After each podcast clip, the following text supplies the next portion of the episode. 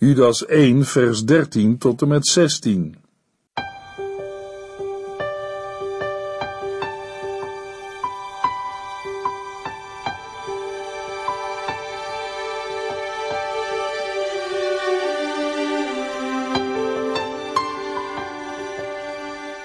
Hartelijk welkom bij De Bijbel Door, een programma van Transworld Radio. De Bijbel Door is een radioserie die u in vijf jaar meeneemt door de hele Bijbel. Van Genesis 1 tot Openbaring 22.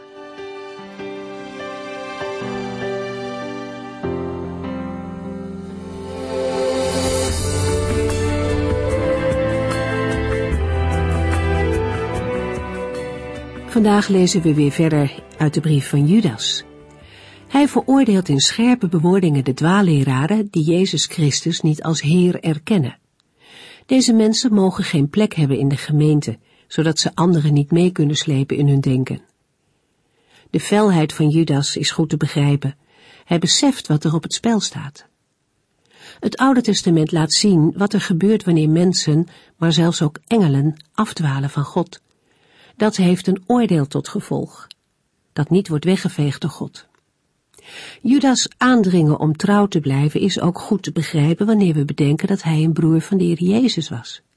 Hij heeft de kruisiging meegemaakt, maar ook de opstanding. En zijn aardse broer bleek werkelijk Gods zoon te zijn, die gekomen was om de mensheid te redden. Judas was getuige van Gods ingrijpen, van het keerpunt in de geschiedenis. En dat heeft zijn leven radicaal veranderd. Het ongeloof van vroeger werd voorgoed verleden tijd. Het moet dan ook onbegrijpelijk voor hem geweest zijn dat er mensen rondgingen die het werk en de persoon van Christus onderuit probeerden te halen. En ook al zo snel na die indrukwekkende gebeurtenissen. Judas en vele andere getuigen wisten hoe waar het woord van God was. En ze beseften ook dat er met God niet te spotten viel. In vers 11 hebben we de vorige keer gezien dat Judas drie voorbeelden uit het Oude Testament aanhaalt van mensen die dachten dat ze het wel op hun manier konden regelen. Kain, Biliam en Korach. Judas geeft aan dat de dwaalleraren in de voetsporen van deze mensen lopen, op weg naar hetzelfde einde. Dat is geen blijde boodschap. Het is een ernstige waarschuwing. Maar, zoals Judas in het begin van zijn brief al schreef, het is noodzakelijk om deze dingen te beseffen, zodat we als gelovigen blijven staan en strijden voor het geloof. We gaan verder in Judas vanaf vers 13.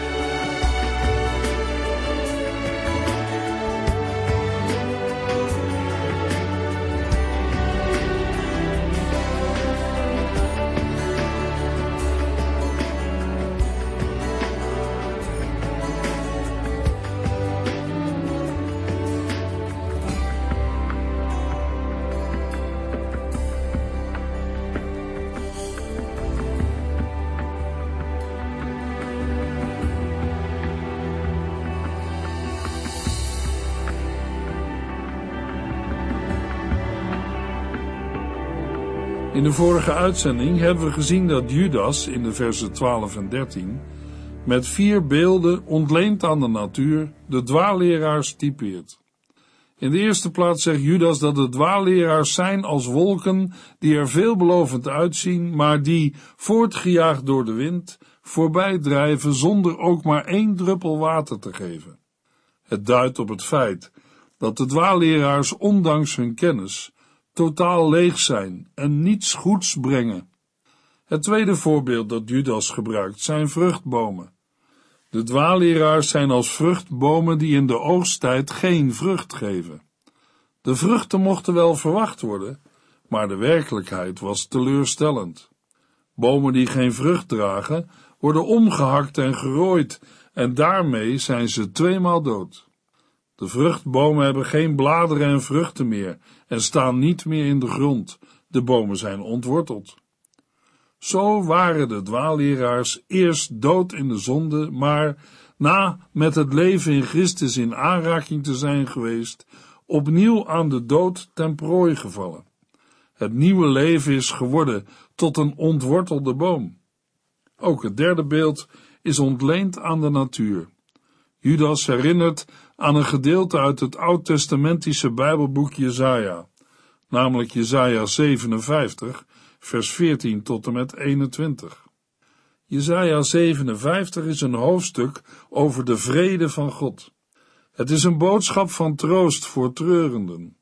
Het moet de lezers van de brief bekend in de oren hebben geklonken, omdat we al eerder hebben ontdekt dat Judas uitgaat van de veronderstelling dat zijn lezers een grondige kennis van het Oude Testament bezitten. In Jesaja 57 spreekt de Heere zijn eigen volk aan.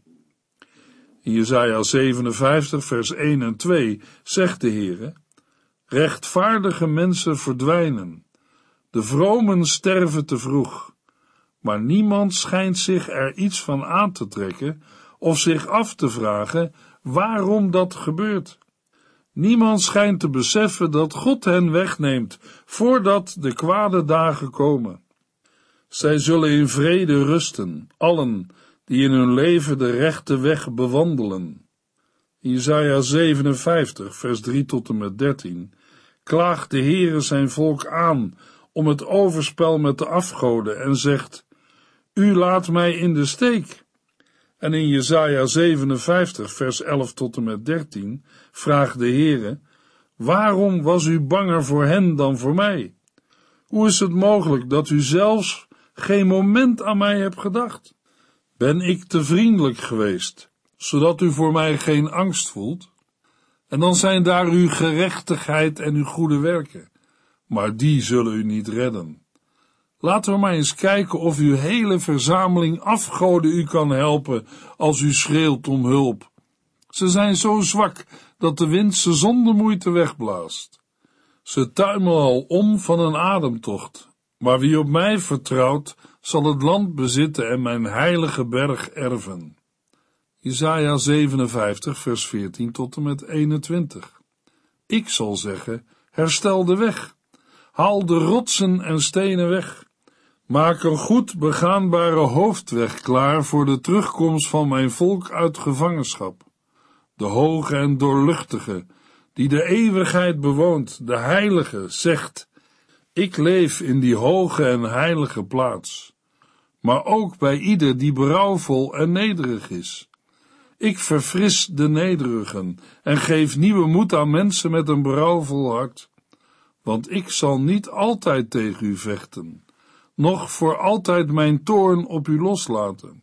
Als ik dat deed, zou de hele mensheid verdwijnen, mensen die ik zelf gemaakt heb. Ik was boos en sloeg deze begeerige mensen neer. Maar zij gingen gewoon door met zondigen en deden alles wat hun zondige hart wilde. Ik heb gezien wat zij doen, maar toch zal ik hen genezen. Ik zal hen leiden en troosten en helpen met berouw hun zonde te beleiden. Vrede, vrede voor hen, dichtbij en ver af, want ik zal hen allemaal genezen. Maar zij die mij blijven afwijzen, zijn als de rusteloze zee die nooit stil ligt, maar altijd modder en vuil opwoelt. Voor hen, zegt mijn God, is er geen vrede. De woorden uit Jesaja 57 vers 20. Maar zij die mij blijven afwijzen, zijn als de rusteloze zee die nooit stil ligt, maar altijd modder en vuil opwoelt, worden door Judas ingevuld met aanduidingen van het schaamteloze karakter en het schandelijke gedrag van de dwaalleraar zelf. Aanduidingen als schandalige begeerte en allerlei vuiligheid. Die praktijken zijn te vergelijken met het opwoelen van modder en vuil in een rusteloze zee die nooit stil ligt. Het is als een branding, altijd rusteloos en in beweging. De branding laat zich krachtig horen, maar brengt uiteindelijk alleen schuim en afval op het strand. Judas schrijft, dwaalsterren zijn het, die hun einde zullen vinden in de eeuwige duisternis. Daarmee zijn we aan het vierde beeld dat Judas gebruikt om de dwaalleraars te typeren. Het zijn dwaalsterren.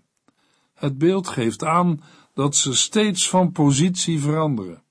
Op dwaalsterren kun je je niet oriënteren, dan verdwaal je. Het staat gelijk met wat Jezus zegt in Lucas 6, vers 39. De ene blinde kan de andere blinde niet leiden, want als de een in een kuil valt, trekt hij de ander mee. De dwaalleraars kunnen niet ontsnappen aan de eeuwige duisternis.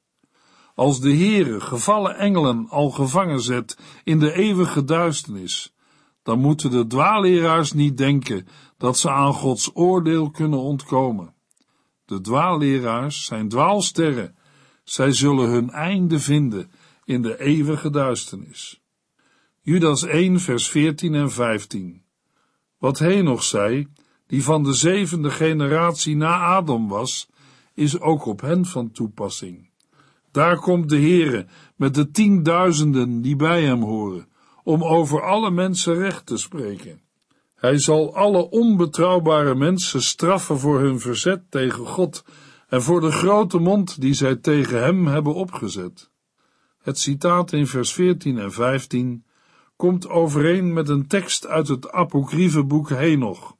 Maar het is onzeker of er sprake is van een direct citaat, of dat beiden, Henoch en Judas, teruggaan op een oudere bron.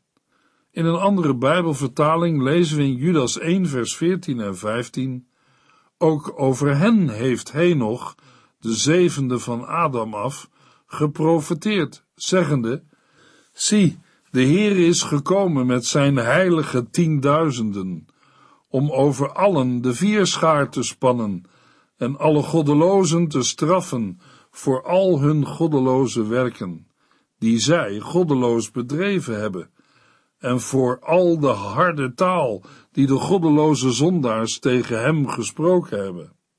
Henoch heeft geprofiteerd, ook over deze, dat zijn de dwaalleraars. Wat Henoch gezegd heeft, of uit een andere bron heeft geciteerd, is ook op de dwaalleraars uit de tijd van Judas van toepassing. En wij moeten erbij zeggen, het is ook in onze tijd toe te passen, namelijk de Heere komt om over alle mensen recht te spreken. Hij zal alle onbetrouwbare mensen straffen voor hun verzet tegen God en voor de grote mond die zij tegen hem hebben opgezet. De woorden van Judas geven aan dat de profetieën van Henoch over een ruimere groep dwalenden gaan dan alleen de dwalende uit de tijd van Henoch. In de Griekse tekst is de verleden tijd gebruikt. De Heere is gekomen. Daar hoeven wij ons niet over te verbazen, want dat is gebruikelijk bij profetisch spreken. Het betekent dat voor een profeet een toekomstig gebeuren als het ware al werkelijkheid is. Zo zeker is het komen van de Heere, dat dit op deze wijze kan worden aangegeven. Lang tevoren is de ondergang van goddelozen en dwaalleraars al voorzegd. In Judas 1 vers 4 schreef Judas al, het staat al lang vast dat mensen die dit zeggen en toepassen, daarvoor veroordeeld zullen worden. Zij weigeren Jezus Christus als leider en heer van hun leven te erkennen. De Heer Jezus Christus is de persoon in wie de Heere zal verschijnen. De heilige tienduizenden, of tienduizenden heiligen zijn engelen, die Christus vergezellen en bij hem zijn bij zijn komst. De woorden zijn ook een citaat uit Deuteronomium 33, vers 2, waar we lezen: De Heer is bij de berg Sinaï naar ons toegekomen. Hij liet zijn licht over ons opgaan vanaf de berg Seir.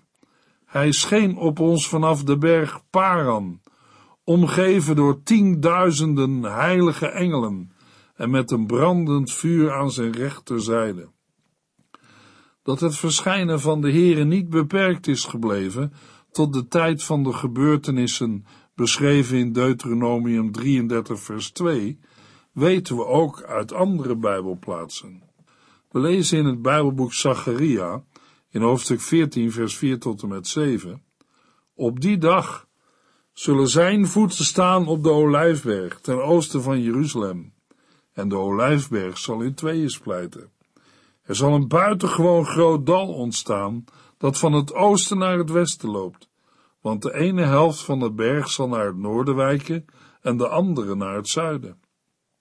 U zult vluchten door dat dal, want het zal helemaal rijken tot de stadspoort. Uw vlucht zal lijken op die van uw volk vele eeuwen geleden. Toen nam u de wijk vanwege de aardbeving ten tijde van koning Uzia van Juda. En dan zal de Heere, mijn God, komen, vergezeld door al zijn heiligen. Op die dag zullen de zon, maan en sterren niet langer schijnen, en toch zal het voortdurend dag zijn. Alleen de Heere weet hoe dat kan. Het zullen geen gewone dag en nacht zijn, want s'avonds zal het nog steeds licht zijn. Bij deze woorden gaat het over de eindtijd. Het moment van de wederkomst van Jezus Christus met macht en majesteit. De Heere vertelt hetzelfde tegen zijn leerlingen in Matthäus 16 vers 27. Ik, de mensenzoon, zal samen met mijn engelen komen in de schitterende heerlijkheid van mijn Vader, om iedereen te oordelen naar zijn daden. En in Matthäus 25, vers 31 en 32 voegt de heiland nog toe, wanneer ik, de mensenzoon, kom in mijn heerlijkheid, met al de engelen, zal ik op mijn schitterende troon zitten. Alle volken zullen voor mij bijeen worden gebracht. Dan zal ik hen van elkaar scheiden, zoals een herder de schapen en de bokken scheidt. Soortgelijke woorden lezen we in Lucas 9, vers 26, waar Jezus zegt, wanneer ik de mensenzoon kom, in de schitterende majesteit van mijn Vader, mijzelf en de heilige engelen, zal ik mij schamen voor ieder mens die zich nu voor mij en mijn woorden schaamt. Op verschillende plaatsen in het Nieuwe Testament wordt over de wederkomst van Christus gesproken. In 1 Thessalonicense 3 vers 13 schrijft Paulus, Mijn gebed voor u is, dat onze God en Vader uw geloof sterk zal maken, zodat u op de dag waarop de Heer Jezus terugkomt, met allen die bij hem horen, sterk, zuiver en heilig zult zijn. In 2 Thessalonicense 1, vers 6 tot en met 8 schrijft Paulus, Hij zal de mensen straffen voor wat zij u aandoen. Dat is rechtvaardig. En het is ook rechtvaardig dat Hij u, die het nu moeilijk hebt, uit de nood zal helpen, net als ons. Dat zal gebeuren wanneer de Heer Jezus met zijn sterke engelen uit de hemel komt en in een laaiend vuur laat zien wie hij is. Dan zal hij allen straffen die niets van God willen weten en hun oren dicht houden voor het goede nieuws van onze Heer Jezus.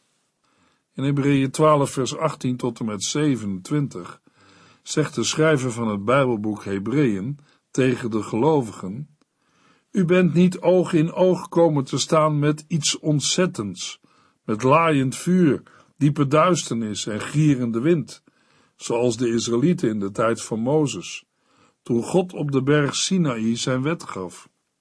U hebt ook geen luid trompetgeschal gehoord of de donderende stem van God. De Israëlieten werden daar zo bang van dat zij God vroegen niets meer tegen hen te zeggen. Zij trilden van angst, omdat God had gezegd: zelfs een dier dat de berg aanraakt, zal worden gestenigd. Mozes was zo ontzet door wat hij zag en hoorde, dat hij zei: Ik ben zo bang dat ik sta te trillen op mijn benen. Nee, u staat voor de berg Sion en voor de stad van de levende God, het hemelse Jeruzalem, waar tienduizenden engelen wonen. U bent gekomen naar een feestelijke samenkomst van Gods oudste kinderen, die in het bevolkingsregister van de hemel staan.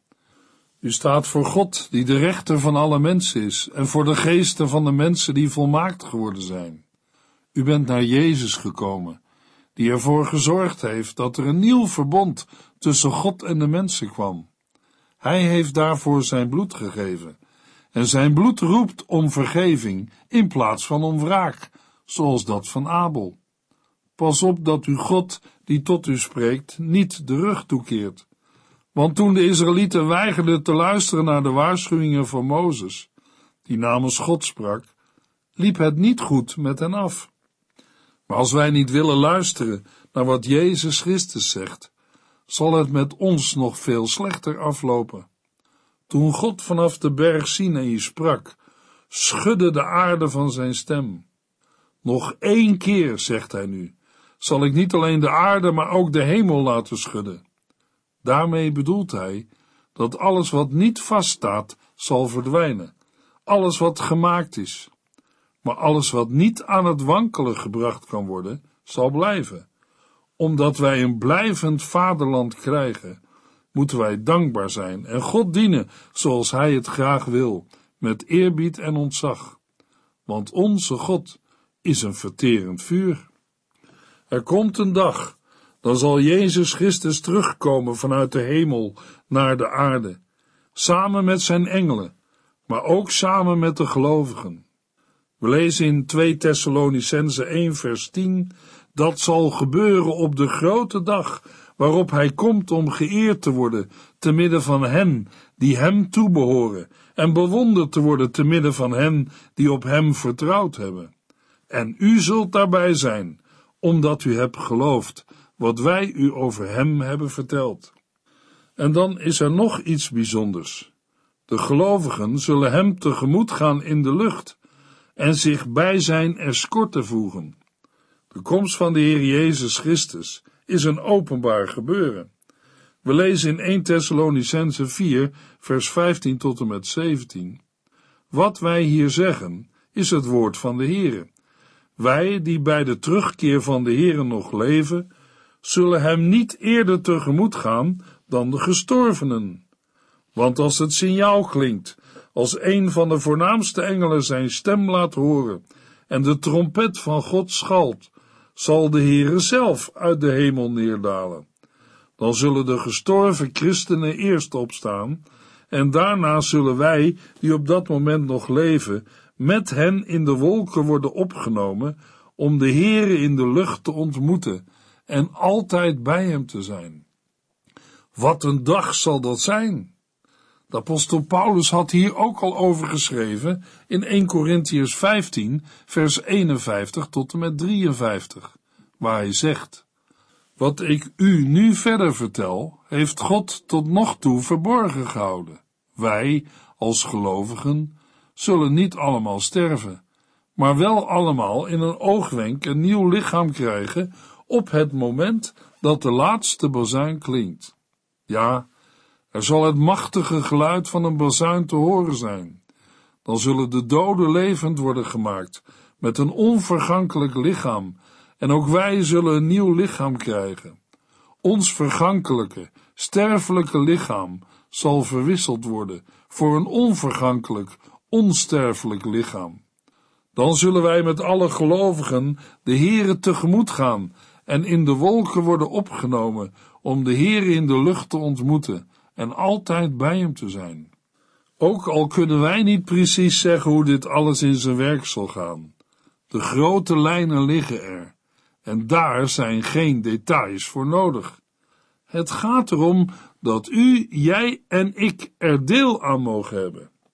Judas schrijft, als de Heer Jezus terugkomt op de wolken van de hemel, zal hij alle onbetrouwbare mensen straffen voor hun verzet tegen God en voor de grote mond die zij tegen hem hebben opgezet. Het oordeel gaat over alle goddelozen en betreft hun goddeloze werken.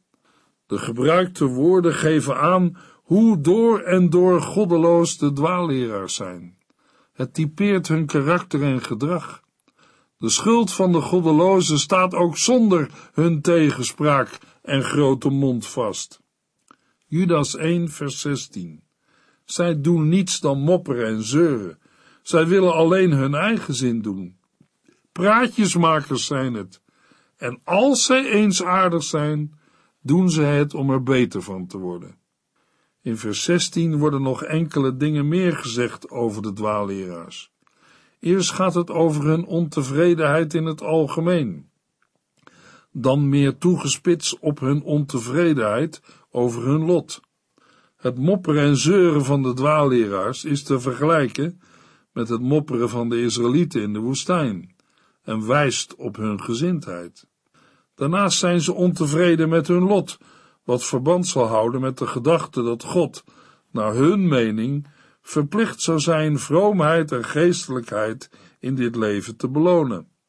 Een gedachte die ook in 1 Corinthiërs 4 vers 9 en 1 Corinthiërs 11 vers 31 door Paulus bestreden moest worden. De dwaalleraars waren van mening dat zij een beter lot verdienen, want zij waren vanwege hun bijzondere openbaringen immers de elite van de christelijke gemeente. Maar hun spreken is brutaal, hoogdravend, opgeblazen, overmoedig, gezwollen en onbeschaamd. Zij etaleren de verworven geestelijke inzichten ten overstaan van de andere gemeenteleden. Toch wisten zij door vleierijen gemeenteleden achter zich aan te trekken. Ze keken hun naar de ogen en praten hun naar de mond. Iets dergelijks gebeurde in Galatië door het bewijzen van allerhande diensten. Ook hun geldzucht wordt opnieuw genoemd. Ze zijn voortdurend op eigen voordeel uit, willen er zelf beter van worden en leven volgens eigen begeerten. De dwaalleraars kenden geen liefde tot God en tot de naaste, maar alleen eigen liefde. In 2 Petrus 2 vers 10 lazen we, dat laatste geldt vooral voor hen die zich aan hun schaamteloze hartstochten overgeven, voor hen die trots en eigenzinnig zijn, die zich van enig gezag niets aantrekken en zonder blikken of blozen met geestelijke machten durven spotten. In de Griekse tekst van vers 16 worden vijf kenmerken genoemd van dwaalleraars en afvalligen. Als eerste, zij doen niets dan mopperen. Mopperen is een soort morren tegen God met gedempte stem. Als tweede noemt Judas zeuren en klagen. Ze klagen en zeuren over hun lot in het leven. Ze zijn ontevreden. Een derde karakteristiek van afvalligen is dat ze alleen hun eigen zin willen doen. Ze wandelen naar hun eigen lusten en verlangens. Die verlangens kunnen goed of slecht zijn, maar kenmerkend voor het doen van je eigen zin is dat God er buiten wordt gelaten. Als vierde noemt Judas hen praatjesmakers. Ze hebben een grote mond. Ze kennen geen maat en zijn arrogant. Ze gebruiken taal die luid klinkt, maar geen inhoud heeft. Als vijfde lezen we, zij doen aardig om er zelf beter van te worden. Eigen belang staat voorop, meer dan het welzijn van de naaste. Laten ook wij onszelf onderzoeken. In de volgende uitzending lezen we Judas 1, vers 16 tot en met 19.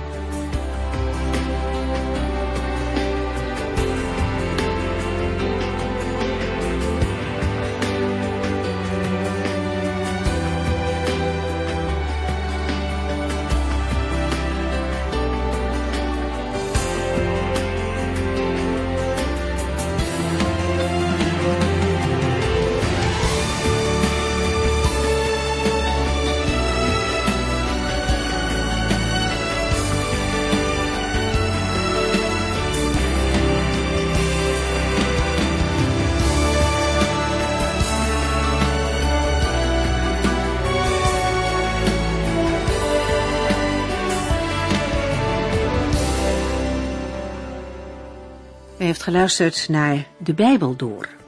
In het Nederlands vertaald en bewerkt door Transworld Radio. Een programma waarin we in vijf jaar tijd de hele Bijbel doorgaan. Als u wilt reageren op deze uitzending of u heeft vragen, dan kunt u contact met ons opnemen. Tijdens kantooruren kunt u bellen op 0342 47 8432. 0342 47 8432. 32. Ook kunt u een e-mail sturen naar de Bijbel door transworldradio.nl en natuurlijk kunt u ook via de post ons bereiken. TWR, postbus 371, postcode 3770, AJ in Barneveld. Dit programma werd gepresenteerd door Corweda en Ike André. Techniek was in handen van Odin van Woerdenkom. En namens ons allemaal bedanken we u van harte voor het luisteren.